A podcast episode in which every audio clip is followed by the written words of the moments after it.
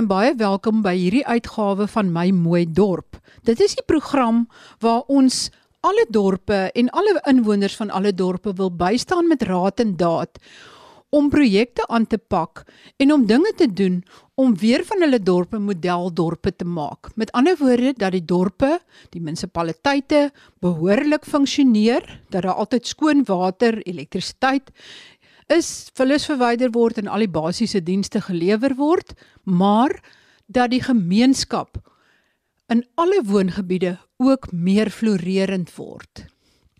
Vanoggend stel ek julle voor aan 'n jong taxi-baas, want die algemene publiek verstaan eintlik bitter min van hierdie taxi-bedryf. En die gesprek met hom het vir my nogal 'n paar interessanthede geopenbaar. En ek hoop dat dit vir jou ook jou oopmaak oor sekere goed wat binne die bedryf plaasvind. Want dit is eintlik baie meer georganiseerd as wat mense ooit besef. En Hierdie jong drywers en jong taxi-eienaars het ook hulle eie drome.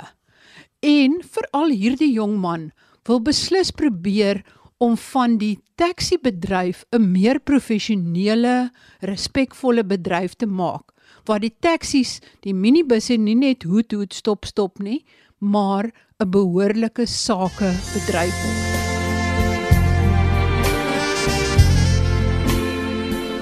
Vanoggend wil ek julle voorstel aan 'n baie interessante man en dit is 'n tweede geslag, eintlik 'n derde geslag taximan.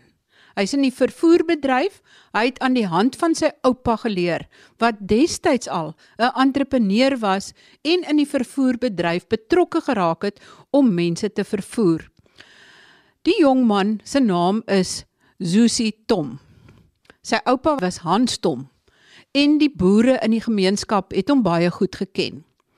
Op die oomblik is Zusi voorsitter van die plaaslike taxivereniging hier op Kirkwood. In die ander deel van die vallei is daar nog 'n taxivereniging en dit is goed om te kan sê dat die twee taxiverenigings nie bots nie, maar baie goed saamwerk. Elkeen het sy gebied wat hy kan rondry en mense vervoer en daar's nie striwelinge op die oomblik enigsins van daai kant af hê.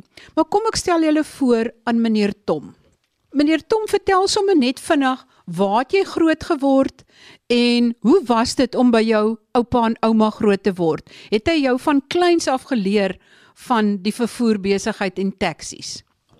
Uh goeiemôre aan die luisteraars uh, van RSG.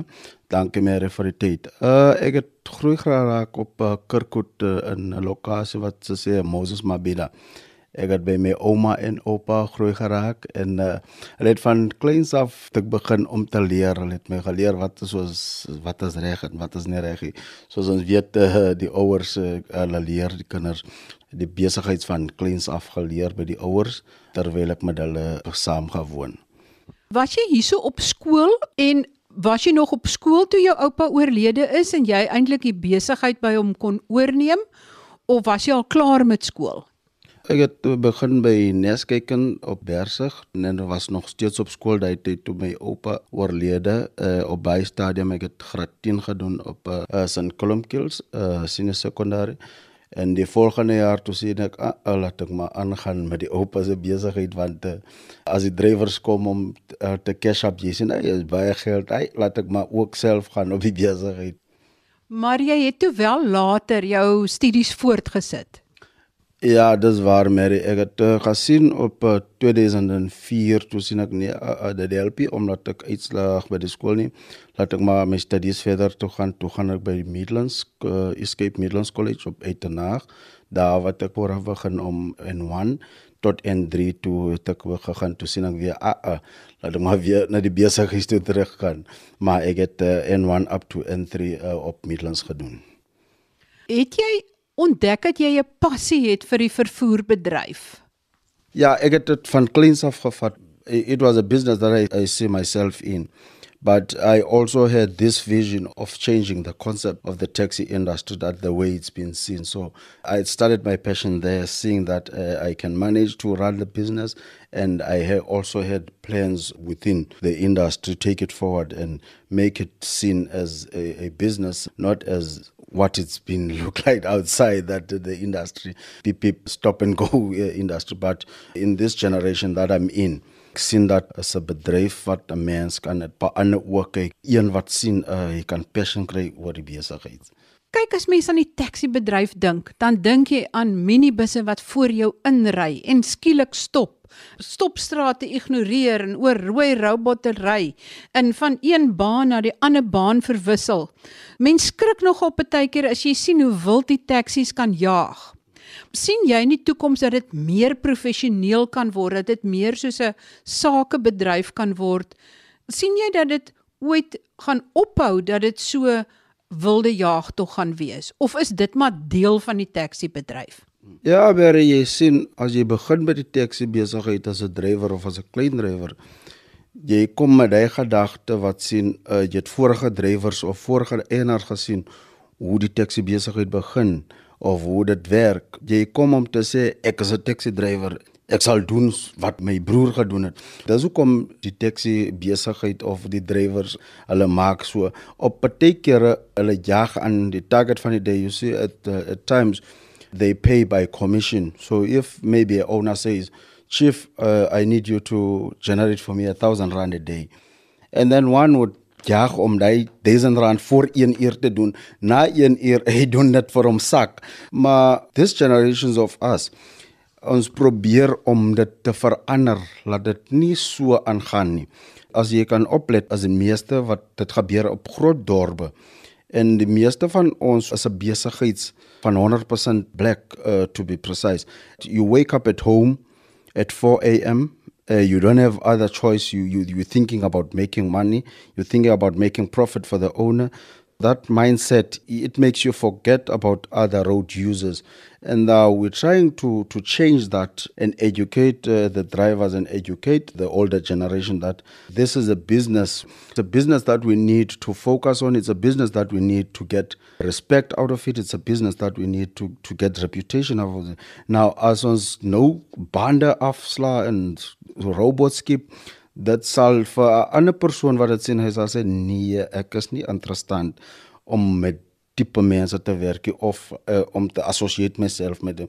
Maar as iemand kan naby kom en soos ons nou doen die interview laat ons kan eh, 'n uh, idee hê wat gaan aan by die taxi bedryf. Basies wat ek wil sê Mary is om te sê ons probeer ons ons nou leiers as 'n uh, klein leiers is by die besigheid om dit verander laat dit gesien word as 'n bedryf wat gerespekteer word en die bedryf ook moet respekteer uh, die ander road users hoe werk dit tipies?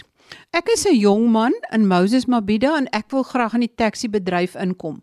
Begin ek deur eers net iemand anders se taxi te bestuur of hoe kry ek 'n kans om in die bedryf in te kom? Hoe werk dit? Jy doen 'n aansoek om in die bedryf te wees. So jy skryf 'n brief om te sê jy is interessant by in die bedryf te wees. Jy is die persoon van Moses Mabhida, die klein jong man en jy skryf soos jy 'n interview maak, maar jy skryf dit af op 'n brief. Dan sal ons sien op 'n later stadium as 'n gaps is om te sê miskien daar is members wat oorlede of daar is members wat sê nee, ek gee af aan die bedryf, dan kyk ons op baie spasies dan kies ons nou van die drywers wat gereed om eienaars te wees. Maar ons moet oplet dat uh, die bedryf nou hy het toegemaak na die oorlogge van 1996 toe die bedryf besluit dat die assosiasies nie aan uh, uh, new members join nie maar terwyl die tyd loop die numbers drop en die die eienaars oorlede of die ander eienaars hulle, hulle los die bedryf. So ons begin so om nou aan op te let om wie is nou interested om on, ons te join. Uh, who is behavior van die person who werk at it what is the new that you will bring into the association? Will he help or is it just coming to join the association to be a taxi driver or taxi owner that will bring this association into dispute? Because you would find that some are not coming with passion are coming with the sense that they see this business as a, as a fast business that is making money easily. So one wants to say, okay, if I can buy myself a minibus, and then a day I will make a thousand rand, and then uh, at the end of the month I will make twenty thousand. But when you're inside, it doesn't work like that.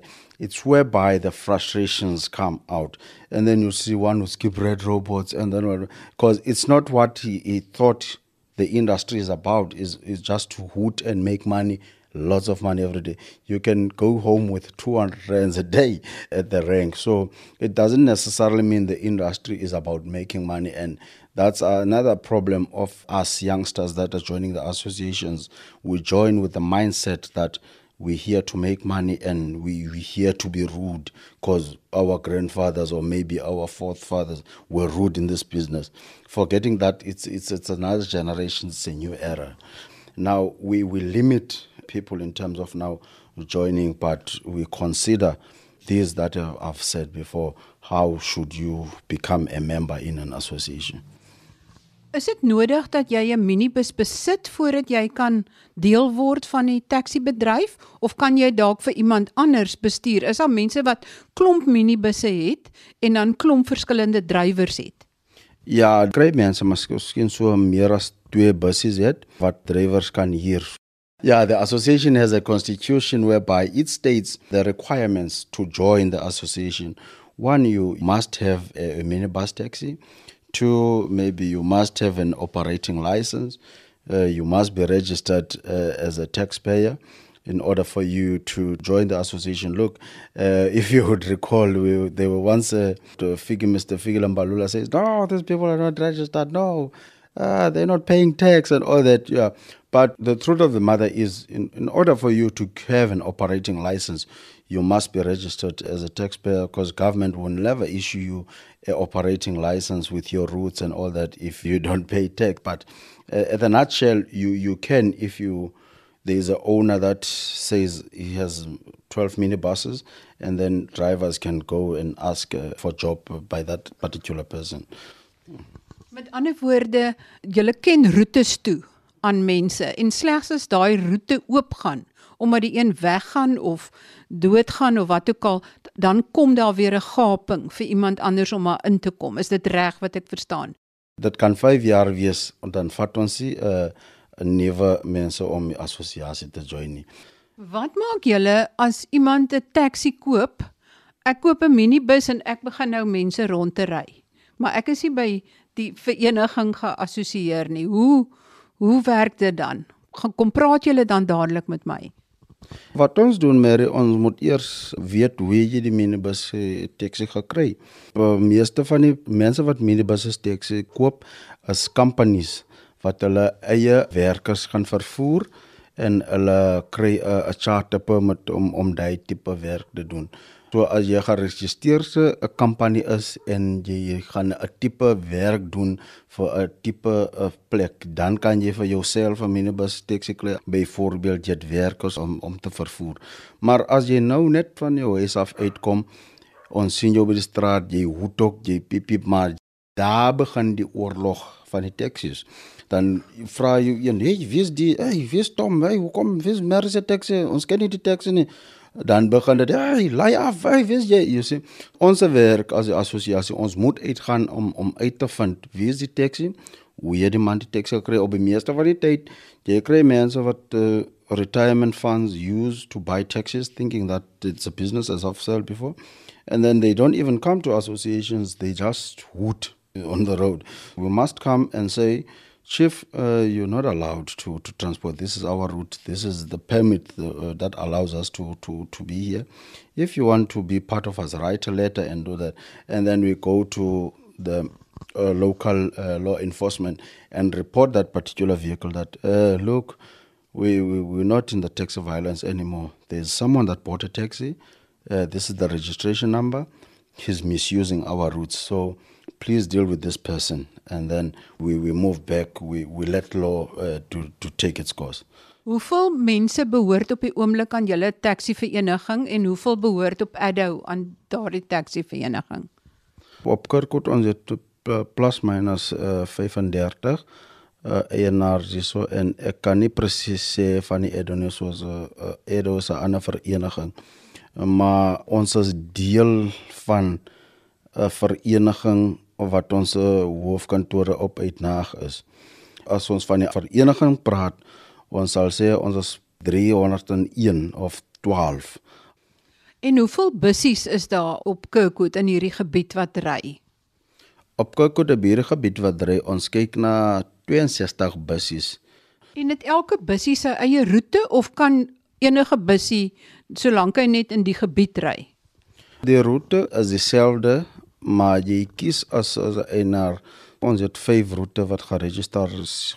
Ons kyk na hy roete dan sê die eienaar nee man ek is tevrede om Kirkwood uit nag te ry. En dan sê die ander een nee ek sal kies om Moses Mabhida dorp toe te ry. Maar dit sê nie volgende maand as die eienaar besluit om nee laat ek my busie afvat by die roete om in 'n ander roete sit solank as net dieselfde associations se se roete is.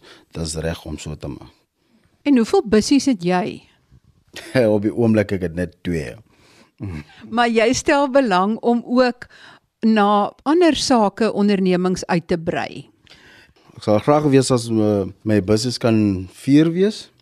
Maar na 4 ek kan nie verder om 'n minibus taxis te koop nie. So jy kyk nou na ander opsies om te sê, okay, what can I do in order for me to get a contract whereby I can invest in buying maybe a, a one a 60 seater bus whereby I can ferry uh, workers to from and to work or these special trips maybe big churches wants to go to a passover. You grow step by step to a bigger uh, venture. Wat is jou droom vir die vallei? My droom vir die vallei is om samewerking te sien. It's for us to work together as the people of the valley uh, to respect each other and to help one another in making the valley grow. Let us work together to, to unite the valley because gone are those days that you would say, when you see a white person, you, you'd remember the, the apartheid. Gone are those days when you see a black person, you'll be remembered of, of apartheid. We are the third generation, so we can never be in the old dark days. All I would uh, say and I would ask for the people of the valley let's work together, unite as one nation, and try to make our valley a beautiful valley as it is beautiful, to make it more beautiful and help each other where we can. And also, let us not be seen as an industry that won't work with the municipality, that won't work with the kroners, or that won't work with whoever who needs the industry.